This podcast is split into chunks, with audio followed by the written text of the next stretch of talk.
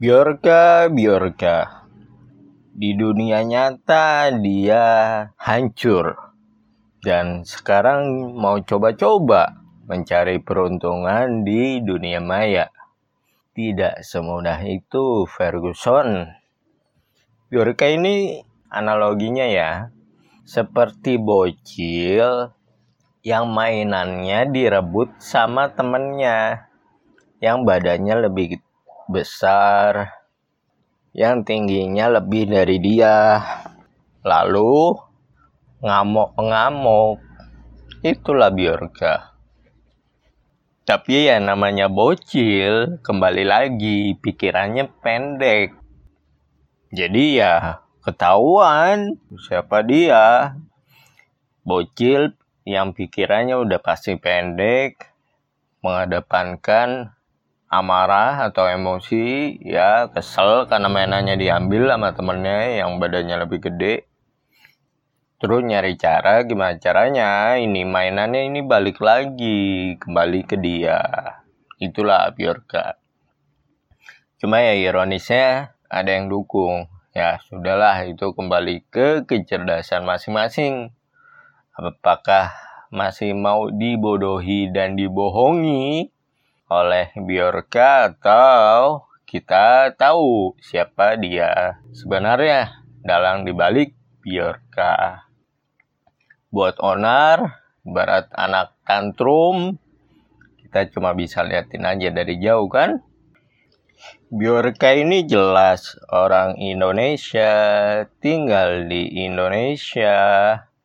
Bjorka ini punya resource, apa yang dimaksud dengan resource? Ya tentu sarana atau alat, terus akses, dan yang pasti uang. Makanya dia dengan PD-nya bahkan ke tingkat sombong nantang-nantang pemerintah untuk membongkar dia. Itu clue-nya siapa dia dalang di balik Bjork ini dia tentu karena punya resource dia jadi punya kekuatan. Ya bandingin aja sama sipil atau warga biasa. Dari kita kan banyak tuh hacker-hacker dari Indonesia yang jago-jago GG cuma ya karena resource-nya terbatas pada akhirnya tusun. Kasarnya ketangkap juga gitu kebongkar juga identitasnya kan. Tapi kan ya kita lihat itu dengan resource yang terbatas saking pinternya hacker Indonesia ya udah mampu melakukan yang di luar kapasitas orang pada umumnya di dunia komputer dan jaringan. Apalagi kalau misalkan nih ilmunya sama nih, sama-sama GG. Terus yang satu resource-nya terbatas, yang satu resource-nya banyak. Nah, makin banyak resource, makin gila yang akan dia perbuat. Jadi ya kalau ditanya Biorka baik apa buruk ya jelas buruk. Cuma kan ironisnya dianggap pahlawan. Kenapa? Sebagai netizen begitu. Pada awalnya karena ya punya kepentingan yang sama, terlihat punya kepentingan yang sama.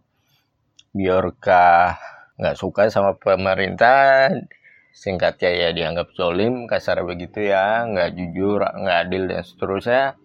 Sama masyarakat pun juga menilainya begitu pemerintah. Jadinya seperti punya common enemy padahal mah ya ini kepentingan pribadinya aja si Biorka kan? Sakit hati itu tadi kan? Mainannya diambil. Jadi nggak bisa dibilang pro ke rakyat nih karena ada common enemy aja. Dan netizen sebagiannya ini yang mendukung Bjorka ya masih nggak sadar. Padahal kan udah jelas sih yang dia lakukan pertama kali membocorkan data penduduk. Itu pun juga bukan hasil ngehack. Beli di dark web. Kalau mau dibilang dia itu pintar, enggak. Namanya pendusta ya, penjahat, itu nggak akan menang pada akhirnya. Kalah sama orang yang benar, orang yang jujur bedanya sama rakyat itu si Bjorke ya dia punya dendam tersendiri yang menghancurkan hidupnya dia dengan mainannya diambil ini Tuh ya analoginya ya mainan tuh terjemahkan silahkan. Kenapa seiring Bjorka muncul ke mana opposite? Ya karena mereka ibarat warnet yang cuma satu kompi gantian istilahnya nih ya si opposite lagi megang kompinya nih ibarat warnet yang cuma satu doang kompinya. Opposite lagi megang tuh kompi. Kenapa? Dari kubunya si Bjorka ya lagi sibuk nih sama urusannya kan masalahnya itu. Nah ketika urusannya sudah hajatnya sudah kelar untuk menghancurkan kubunya Bjorka ini ya udahlah dia selesai tuh. Cabut. Ketika Bjorka masuk ya dia ngeliatnya itu kompi kosong nggak ada orangnya. Dia pakai itu kompi. Tanpa tahu ini sebelumnya yang make nih kompi ini yang habis main warnet ini ceritanya si opposite kalau gue tahu Bjorka itu siapa ya jelas gue juga tahu opposite itu siapa karena dia berada di satu atap yang sama. Cuma beda kubu. Kalau si Bjorka ini bak seorang anak kecil bocil kalau opposite kelihatan dewasa. Jadi ya straight to the point. Dia pengen objektifnya apa ya nggak ke mana-mana oh ini ada yang nggak bener di sini nih. Ya dia fokus di situ aja. Nggak ngalor ngidul kayak si Biorka ya kan ngerugiin rakyat. Iya tapi rakyat nggak sadar malah nganggap dia pahlawan. Itu konyolnya satu. Terus udah gitu buka aib orang. Dalam hal ini pejabat. Masih remeh sih sebenarnya. Cuma orang baru pertama kali aja lihat kelakuannya Biorka yang satu ini. Jadi dianggapnya wow itu ya dari mulai ngebocorin data penduduk itu sih yang masalah sebenarnya ya menurunkan wibawa rakyat. Tapi ngebongkar aib orang ini dengan clue-clue gitu ya yang tweetnya tuh ya secara semantik ketahuan ini arahnya ke mana gitu ya. Terus bongkar data pribadi pejabat kok lama-lama nyasarnya ke artis lama-lama nyasar ke yang lain. Sempat panik tuh sama si Volt. Ini ya Volt Anonymous. Ini udah bagus ini. Jadi kalau ada dua kubu antara si Bjorka sama Volt ya gue lebih pro ke Volt. Karena ya ini nih yang jujur nih yang ini sebenarnya. Dia bongkar dan enggak enggak salah tangkap cuma yang ditangkap ini kan kambing hitam itu makanya dibilang Bjorka ini pinter cerdas. Ya sebenarnya nggak juga. Dia cuma ahli dalam pelarian aja. Dia tahu dia ninggalin jejak tapi jejak ini sebenarnya kamu floss itu ibarat kita ngetrack jejak nih di hutan. Kita pikir itu mengarah kepada pelaku padahal mah itu jejak yang sengaja dibuat oleh pelaku untuk kita tersesat jadi kita nggak nemu pelakunya. Nah itu analogi sederhananya begitu. Jadi makanya belum ketangkep kan sampai dikiranya salah tangkep dua orang ini. Yang dari Cirebon sama yang dari pokoknya tukang es tuh ya. Kalau yang tukang es itu makin kecium kan siapa Biorka dalang dibalik Biorka ini. Kalau yang anak Cirebon ini yang video editor yaitu kambing hitam yang disiapkan oleh Biorka. Kalau kemungkinan cuma dua doang variabelnya. Bisa jadi si yang anak Cirebon ini tahu memang Biorka dia kontak sama dia tapi nggak tahu kepentingannya apa.